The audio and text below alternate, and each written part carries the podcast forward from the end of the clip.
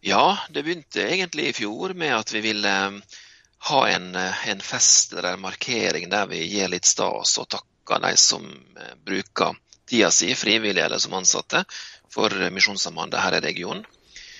Og Da inviterer vi ganske mange, alle som har et frivillig ansvar, dvs. Si hvis de er ledere i en forening eller de er frivillige i en forsamling eller i en hjembruksbutikk, så inviterer vi dem til en lørdag så har vi først et faglig innhold, og så serverer vi middag og god middag og kaffe og kake. Nå er det andre året dere har en sånn medarbeiderfest. Denne gangen kom det 65 deltakere på leirstaden Vestheim i, i deres område der. Hvordan blir dette mottatt, er inntrykket ditt? Eh, inntrykket mitt er at folk syns det er veldig veldig kjekt eh, både å bli invitert og også å være der.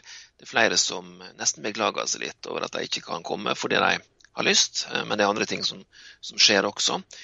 Og de jeg snakka med i, nå på lørdag, de var veldig veldig fornøyd med å bli invitert og, og glad for å treffe folk. Det er jo en det er ikke en veldig stor region vi har, men det blir litt avstander med, med ferge og forskjellig når en skal fra nord til sør. Så de som er fra nordligste delen av Nordmøre, de treffer sjelden de som er fra Søre Sunnmøre. Da er dette en fin anledning til å knytte litt bånd også på tvers av ulike geografiske plasser i regionen. Så det var, det var stor glede og begeistring, det var det. Og jeg forstår at på en sånn festdag så har dere både de som er ansatte og lønna i Misjonssambandet i deres region, og de som er som frivillige medarbeidere. Hva betyr denne her kombinasjonen av dere har ansatte som er på lønningslista, og så har dere òg en, en stor del frivillige. Hva betyr det? Nei, Det betyr jo at de frivillige og de ansatte blir enda bedre kjent med hverandre. Det er jo, En ting er de omreisende forkynnerne, de treffer jo mye folk hele tida. Men så er det eh, bare ungdomsarbeidere som kanskje bare treffer eh, noen få av de frivillige. Og så er det vi ansatte i eh, administrasjonen i Ålesund. Vi, vi, er ikke så mye ute og reiser, så det er veldig, veldig fint å kunne treffes på en sånn måte. Og Det er jo regionstyret som står som arrangør, og de er også til stede. og Det, det blir på en måte litt brobygging mellom de øverste ansvarlige i regionstyret og frivillige og ansatte som kan møtes en gang i året og, og ha litt tid til prat, rett og slett.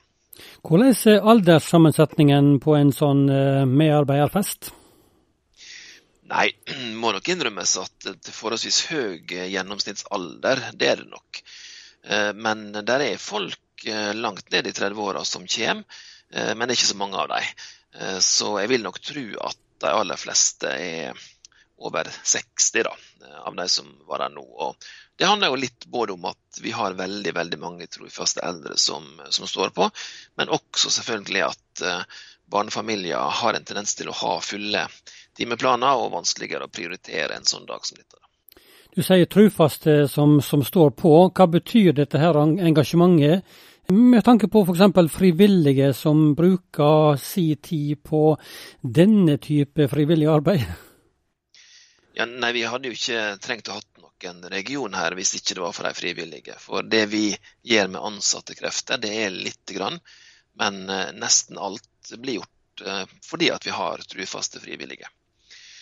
Og Det jeg syns var spesielt kjekt nå på lørdag, det var at det var ganske mange eh, som er frivillige i gjenbruksbutikkene våre som kom.